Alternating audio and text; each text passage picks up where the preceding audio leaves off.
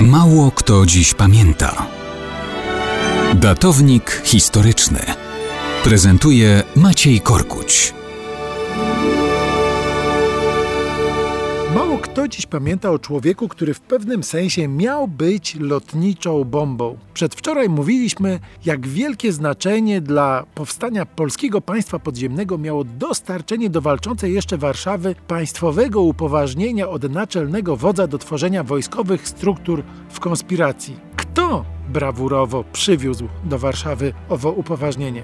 Był to major Edmund Galinat, Człowiek, który już przed wojną uczestniczył w tajnych przygotowaniach do działań na zapleczu wroga w ramach tzw. Tak dywersji pozafrontowej. Uderzenie Armii Czerwonej 17 września 1939 roku na Polskę zmodyfikowało wcześniejsze plany dotyczące tworzenia partyzantki na terenach okupowanych przez Niemców. Było oczywiste, że nie mamy szansy na dalszą obronę, nawet na ziemiach południowo-wschodnich. Rząd podejmuje wówczas decyzję o przejściu granicy rumuńskiej.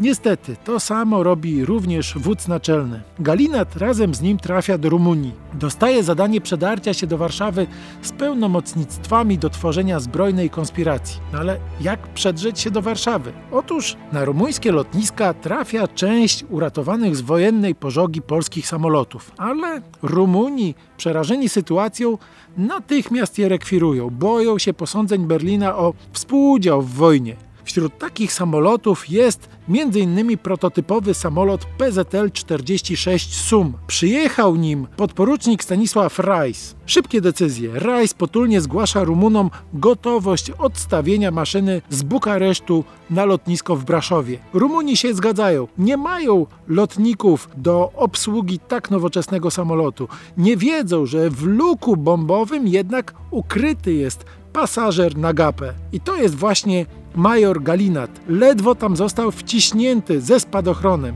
Nie wiadomo było, czy uda się w Warszawie wylądować, czy będzie jeszcze w naszych rękach lotnisko. Więc Galinat jest gotowy, że w razie czego zostanie potraktowany nad stolicą jak bomba lotnicza. Po prostu piloci otworzą luk bombowy, a Galinat wypadnie z niego ze spadochronem, szukając sposobu na wykonanie misji. Ta podróż w ciasnym luku bombowym była dla niego koszmarem, ale udało się. Samolot wylądował na polu mokotowskim między polskimi i niemieckimi okopami, jeszcze przed kapitulacją. Misja niemożliwa? Hm, wszystko jest możliwe.